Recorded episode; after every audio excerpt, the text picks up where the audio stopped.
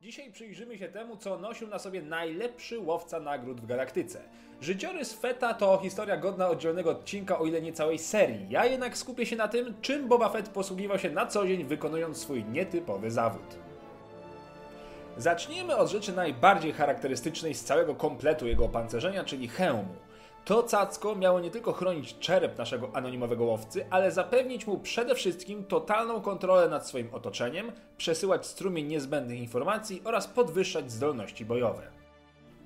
Hełm to jedno wielkie centrum dowodzenia. Nie tylko nagrywał wszystko, co widział i słyszał Fett, ale także zawierał zbiornik z wodą, wykrywał nawet najdelikatniejsze dźwięki i był w stałym kontakcie ze statkiem Slave 1. Ale to wciąż mało, bowiem zapewnił dodatkowo kąt widzenia 360 stopni, a komendy głosowe obsługiwały cały arsenał, który łowca nosił na sobie.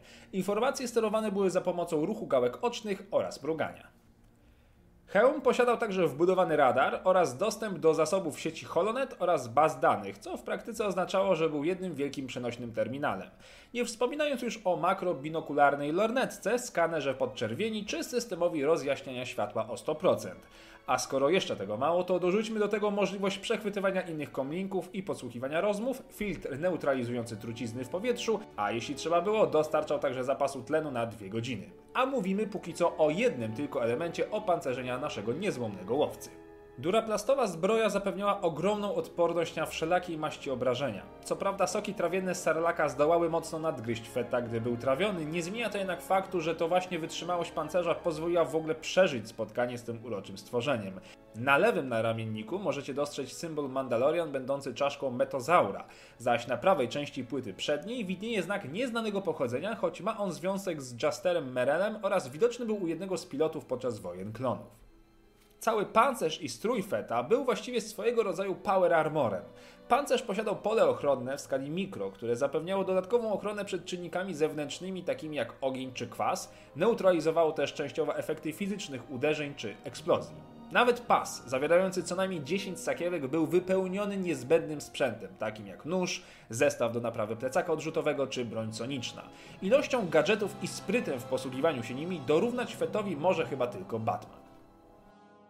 Specjalne ochraniacze na rękach zawierały kolejną porcję, tym razem głównie śmiercionośnych gadżetów. Znajdował się tam miotacz płomieni ZX firmy Czerka, zaraz pod nim znajdowało się cacko firmy Blaster, Blaster Dur-24, natomiast na lewym znajdowała się wyrzutnia rakiet wstrząsowych. Ochraniacze pozwalały dodatkowo na wystrzelenie liny z hakiem czy zatrutych strzałek. A skoro już mówimy o broni, Boba był raczej tradycjonalistą i używał świetnego, niezwykle mocnego blastera EE-3, oczywiście odpowiednio zmodyfikowanego, by zapewniał wsparcie w bezpośredniej walce, jak i posiadał lunetę do strzałów snajperskich. Gdyby tego było mało, Fett miał przy sobie granaty ogłuszające oraz pistolet blasterowy Sakros K11. Boba Fett to prawdziwa forteca, a do tego latająca. Plecak odrzutowy Mitri Nomon Z6 pozwalał na 3 20-sekundowe skoki lub 20 krótkich 3-sekundowych. Prędkość maksymalna wynosiła 145 km na godzinę, a maksymalny dystans to 2 km. Jak widać przed łowcą ciężko było uciec nawet speederem czy statkiem.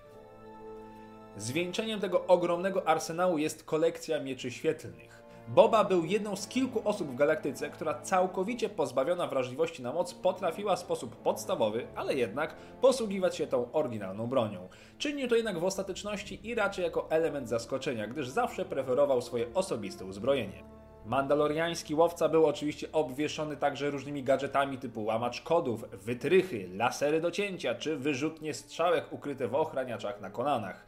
Na jego prawym ramieniu zaś powiewał warkocz wykonany z trzech skalpów łukich, co było jednym z powodów, dla których Fred był śmiertelnym wrogiem Czubaki.